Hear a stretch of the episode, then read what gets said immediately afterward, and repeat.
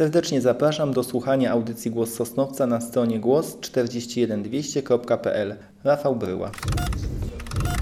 Bez emocji sobie powiedzmy. Kocham cię, Sosnowcze. Zapraszamy na autorski podcast pod nazwą Głos Sosnowca. świat miasta, miasteczka, które nazywa się Sosnowiec. Pakiet dobrych minut. Tymczasem owo poranne, wykrzyczane przez okno Kocham cię, Sosnowcze było absolutnie szczere. No, czas się kurczy tutaj. Witamy w kolejnej audycji z cyklu Głos Sosnowca. Gościem dzisiejszej edycji Głosu Sosnowca jest historyk, prawdziwy entuzjasta najstarszej sosnowieckiej budowli, autor książki Zamek Sielecki w Sosnowcu, Historia Prawdziwa, Rafał Bryła. Dzień dobry. Witam serdecznie. E, Książka o historii Zamku Sieleckiego to pierwsza taka geneza zamku zebrana w jedną całość. E, Dane zgromadzone z wielu archiwów umieściłeś na kartach e, papieru. Ile godzin spędziłeś w archiwach, żeby to wszystko w jedną całość zebrać? Właściwie wchodząc do archiwum nie włączyłem nigdy stoperu, więc nie wiem jak długo to trwało, ale ogólnie dzisiejsze czasy są o tyle wyjątkowe, że można do archiwum wejść z aparatem fotograficznym i wiele dokumentów e, sfotografować. Więc e, moje wizyty w archiwach opierały się na właśnie sesjach fotograficznych dokumentów, a ich opracowywanie trwało na spokojnie w domu. Więc trudno e, to tak naprawdę przeliczyć, bo same wizyty w archiwach no, trwały kilka godzin, a potem kilkanaście godzin siedziałem w domu i opracowywałem te wszystkie e, fotografie. Cofnijmy się na chwilę jeszcze w czasie. Dlaczego właśnie historia? Historia jest na tyle pasjonująca, że właściwie e, może być e, początkiem do e, poznania wielu dziedzin. No i tak właśnie wyszło, że historia. Ale czy już w szkole podstawowej czułeś, że będziesz chciał być historykiem? No myślę, że tak się nie stało, ale w pewnym momencie dojrzałem do tego, że warto byłoby się nauczyć historii, a ponieważ samemu się ciężko uczy, więc najlepiej się jakoś zmobilizować do tego i mieć kogoś, kto e, będzie wykładał tą historię, ale też sprawdzał, czyśmy się jej nauczyli. No i stąd były studia historyczne. No właśnie, jak już Paweł nadmienił historię, historię tej całej historii, to y, miałeś jakieś okresy historyczne, które najbardziej Cię fascynowały, które się to Historia to jest dużo dat, to jest przede wszystkim są daty, nazwiska, dużo nauki, prawda? No to jest takie morze wiedzy, tak, z którego powinniśmy sobie wyłowić kilka fajnych wysepek, na których będziemy e, żyli, mieszkali i, e, że tak powiem, odnajdywali się bardzo dobrze.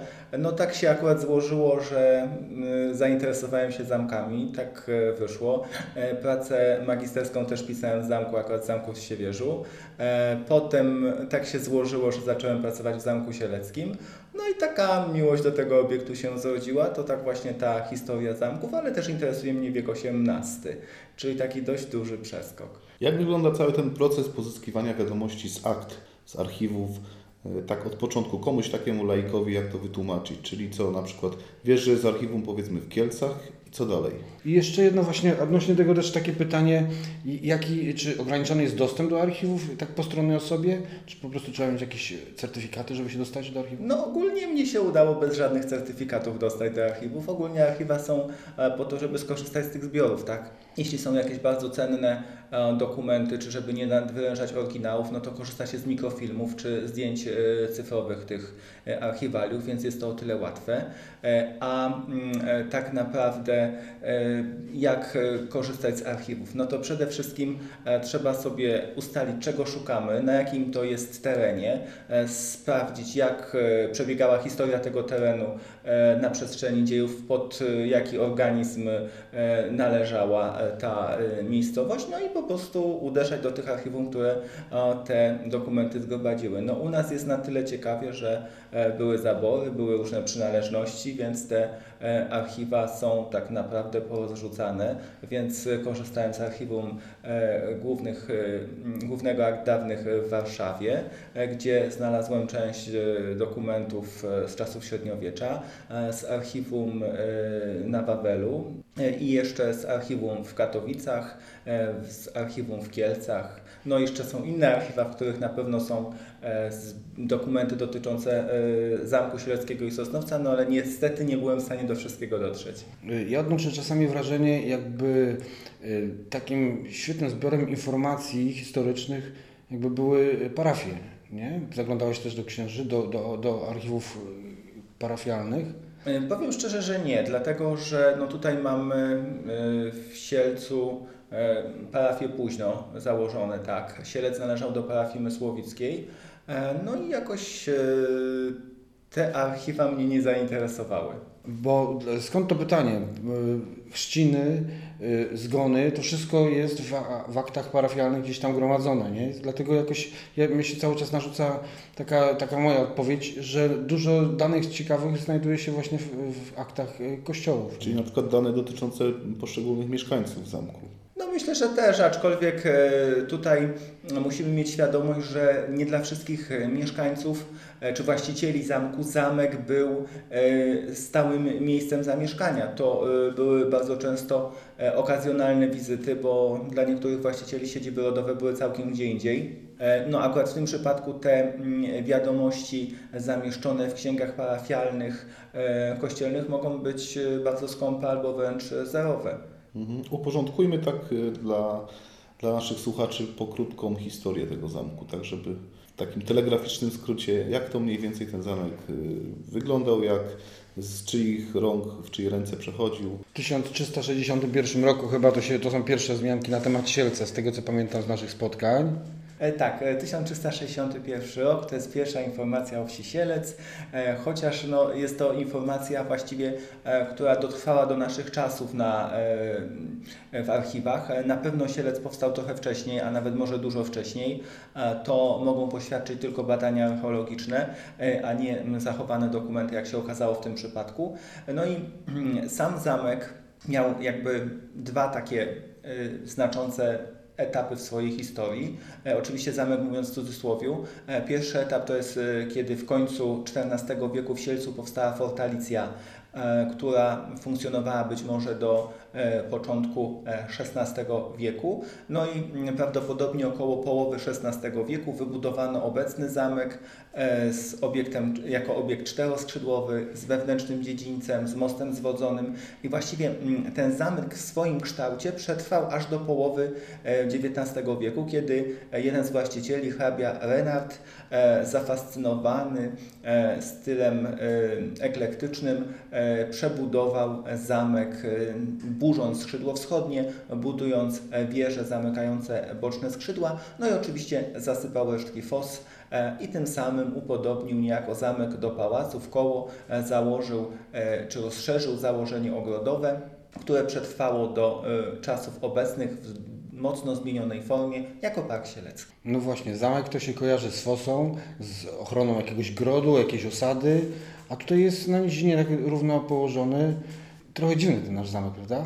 No ja myślę, że tutaj powinniśmy wyjść od e, tematu, jaka e, definicja zamku, jaki powinien być zamek, bo tak naprawdę mamy kilka rodzajów zamków. E, Zamki wzniesione na jakichś skałach, tak jak na przykład zamki jurajskie, gdzie mamy to dostosowanie obiektu do kształtu wzgórza, do kształtu skały i my jakby ze względu na okolice, w której mieszkamy, tak najczęściej kojarzymy e, zamki jako e, malownicze budowle wzniesione na e, szczytach jakichś wzniesień czy pagórków. Niemniej to jest tylko jeden z modeli zamku, tak? Zazwyczaj są to zamki nieregularne. Taki jest Wawel w Krakowie, taki jest Takich jest mnóstwo zamków jurajskich, Mirów, Bobolice, ale mamy też inne zamki, całkiem regularne, zamki nizinne. E, i ten nasz zamek sielecki właśnie jest takim zamkiem nizinnym, regularnym. I można śmiało powiedzieć, że w okolicy, gdzie dominują zamki jurajskie, przez swój kształt, e, przez e, właśnie swój charakter jest takim obiektem wyjątkowym. Kolejny zamek nizinny, który miał całkiem inną historię, to jest zamek e, w Siewierzu, który e, powstał w wielu etapach, a zamek sielecki jest założeniem jednorodnym, przez to takim bardzo czytelnym e, i uporządkowanym. I to jest jego wielkim e, walorem na tle zamków e, w regionie i okolicy.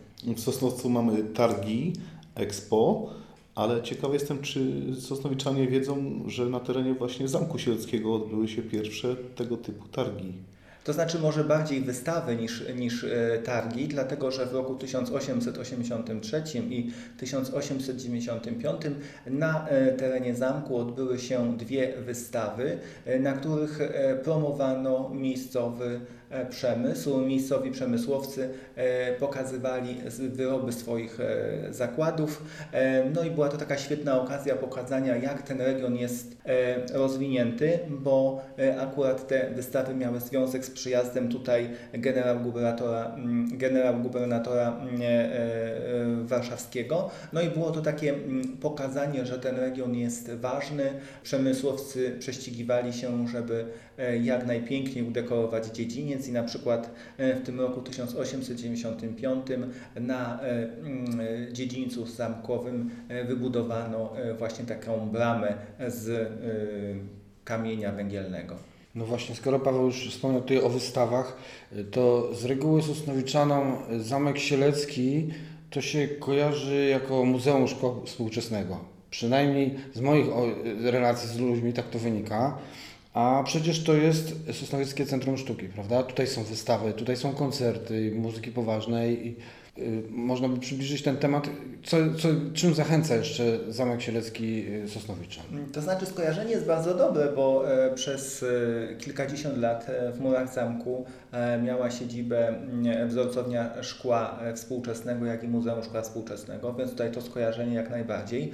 No ale mm, w latach 90.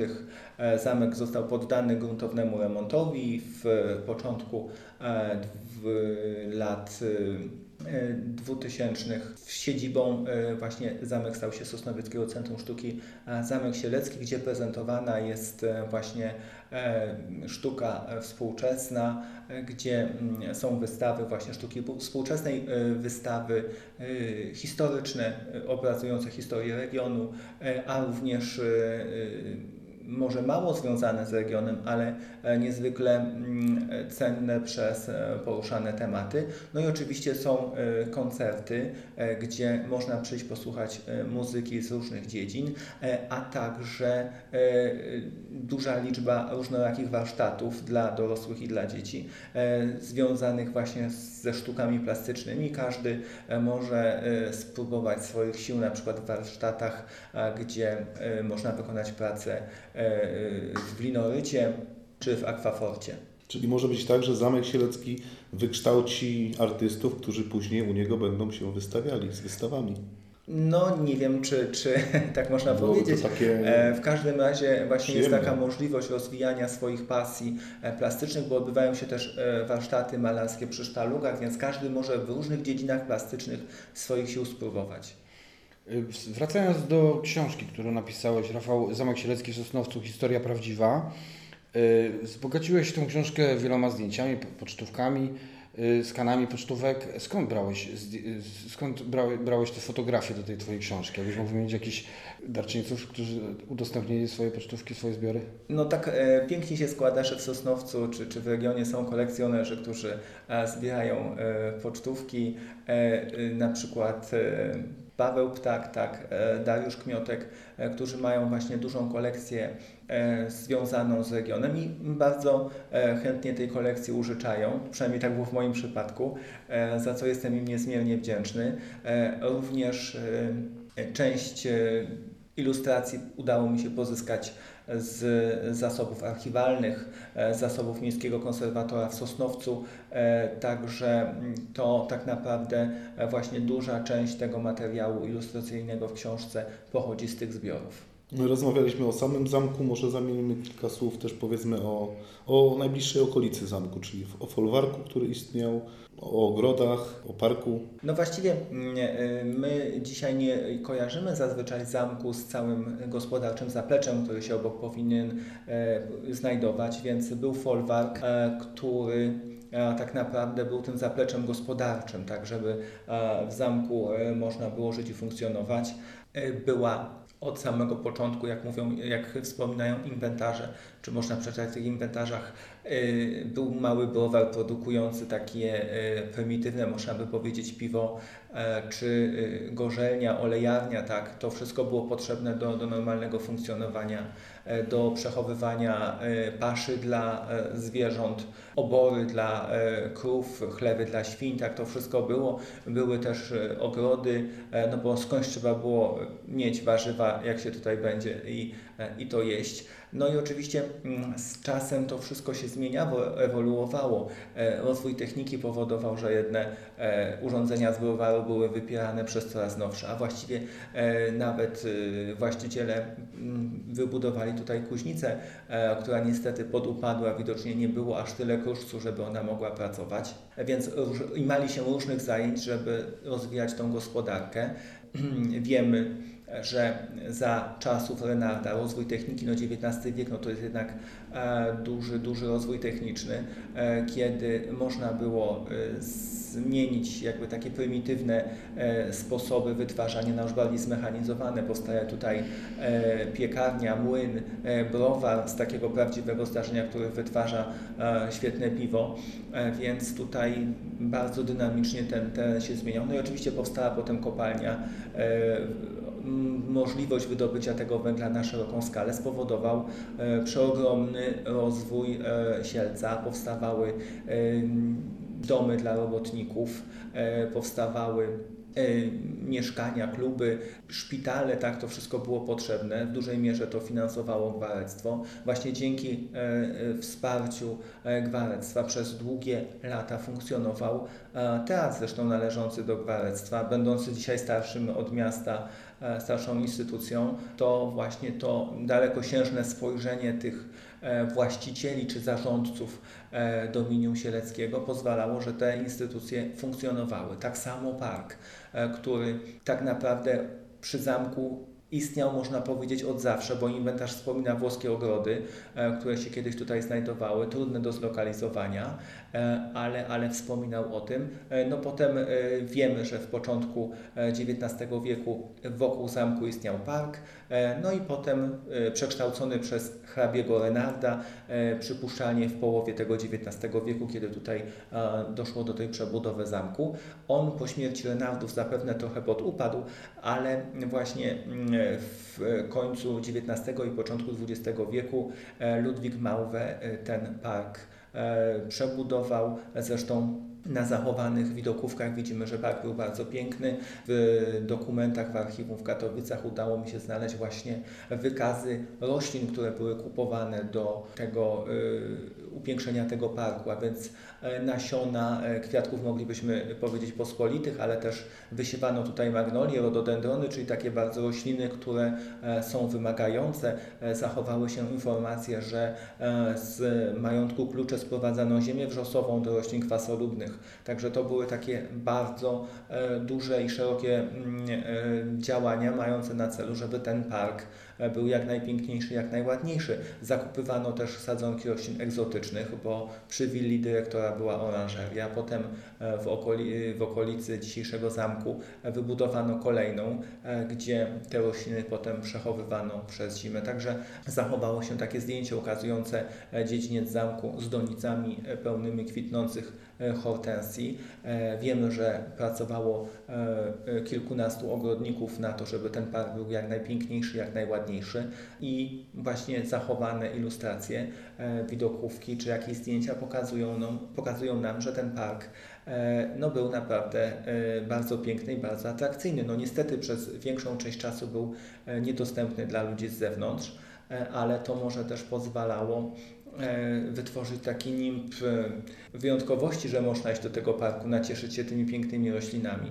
E, Bardzo pięknie e, został park opisany w początku XX wieku, gdzie koło były dymiące huty zakłady i nagle taka oaza zieleni, pełna roślin e, z malowniczymi widokami, gdzie to wszystko było odpowiednio zaaranżowane, zaplanowane. E, No i można było tak e, odetchnąć i odciąć się od tego e, właściwie będącego w okolicy zgiełku. Z prawdziwą pasją piszesz książki, z prawdziwą pas- pasją opowiadasz. Każdy zamek y, kryje jakąś tajemnicę. Czy nasza najstarsza sosnowiecka budowla y, ma jakąś taką tajemnicę? Jakiś, Może legendy jakąś? jakąś legendę właśnie? Y, Trudno, trudno tutaj e, mi tak na szybko coś przypomnieć sobie. E, Jednak takich bardzo charakterystycznych legend chyba ten obiekt nie ma. Pojawiają się jakieś takie sporadyczne informacje, jak na przykład umieszczona informacja przez y, kantora miejskiego, e, informacja, że zamek był kiedyś w przeszłości siedzibą templariuszy. No dzisiaj wiemy, że jest to i tylko i wyłącznie e, właśnie jakaś taka legenda, e, gdzie próbowano wywieźć historyczny rodowód tego e, obiektu. Legendą natomiast owiana jest postać jednego z mieszkańców zam- zamku. E, Tak, słynnego e, generała e, Ludwika Schimmelfenniga von der Oje, który był właścicielem Zamku Sieleckiego od 1803 roku. Postać bardzo taka legendarna. No, wybijał się powiedzmy na tle właścicieli Zamku Sieleckiego tym, że wyjeżdżał na okoliczne wzgórze najwyższe, gdzie tęskno patrzył przed siebie, wjeżdżał tam na swoim koniu razem z psem.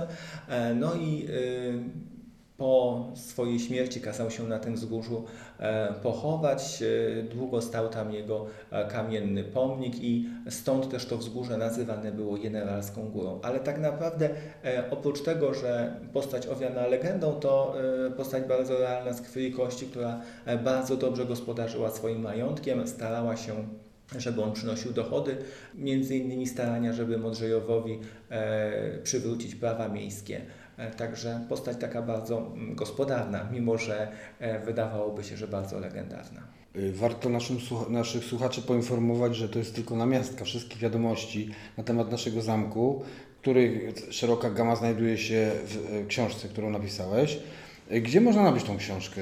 Jeszcze kilka egzemplarzy, słyszałem, zostało. E, Tak, właśnie mm, jestem bardzo e, mile zaskoczony tym, że mieszkańcy Sosnowca e, i myślę, że regionu bardzo ciepło przyjęli tą książkę i tak e, szybko się ta książka sprzedała, e, bo tak naprawdę już zostało tylko i wyłącznie kilka egzemplarzy, które można nabyć e, w przesympatycznym sklepie e, z kawą i herbatą e, w Sosnowcu przy Alei Zwycięstwa 6 e, gdzie właśnie e, właściciel, pan Grzegorz Trzepiński, e, zgodził się tę książkę sprzedawać. No, pan Grzegorz tam sprzedaje również inne książki y, związane z naszym miastem, także warto tam zaglądać. Poza tym zresztą w innym celu również warto tam zaglądać. Y, Chciałem spytać, czy masz jeszcze w zanadrzu jakiś obiekt w Sosnowcu, który chciałbyś również szczegółowo opisać? No nie wiem, czy akurat w Sosnowcu, ale, ale jakieś pomysły chodzą mi po głowie, a to prawda. Na razie nie chcę zdradzać, co to są za pomysły, bo nie wiem, na ile one się e, zrealizują, na ile będą tylko po prostu niespełnionymi jakimiś e, właśnie pomysłami czy marzeniami. Ile, Rafał, trwa pisanie takiej książki? Ile Ci to zajęło czasu? No powiem tak, zajęło mi to właściwie jakieś takie 3 lata pracy, ale takiej niecodziennej, bo przyznaję się, że nie, nie byłem w stanie pisać codziennie. E, ogólnie pisałem gdzieś po kilka godzin dziennie. E, siadałem wieczorem przy, przy komputerze i pisałem 3-4 godziny, e, bo jednak najlepiej pisze się wieczorem, jak już wszyscy w domu Kolejny są nasz w gość, dokładnie. E, I można, I można po prostu skupić się na tym, co się chce pisać, przeczytać, co się napisało wcześniej, coś tam skorygować. No i też e, na bieżąco e, śledziłem te dokumenty z archiwów, no i to powodowało, że zmieniałem pewne fragmenty, bo coś tam mi się jeszcze udało znaleźć, coś mi się udało e, odczytać i, pewne fakty zinterpretować inaczej.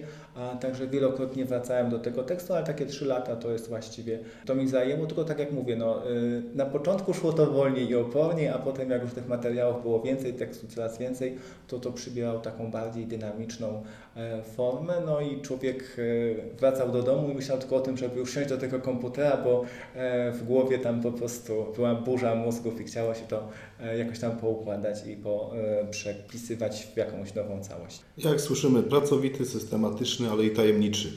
Naszym gościem był Rafał Bryła, autor książki Zamek Sielecki w Sosnowcu. Historia prawdziwa. Książkę każdemu polecamy. Czyta się ją świetnie, jednym tchem. Do zobaczenia, Rafał, i wszystkiego dobrego. Dziękuję bardzo i dziękuję za taką miłą recenzję tej książki.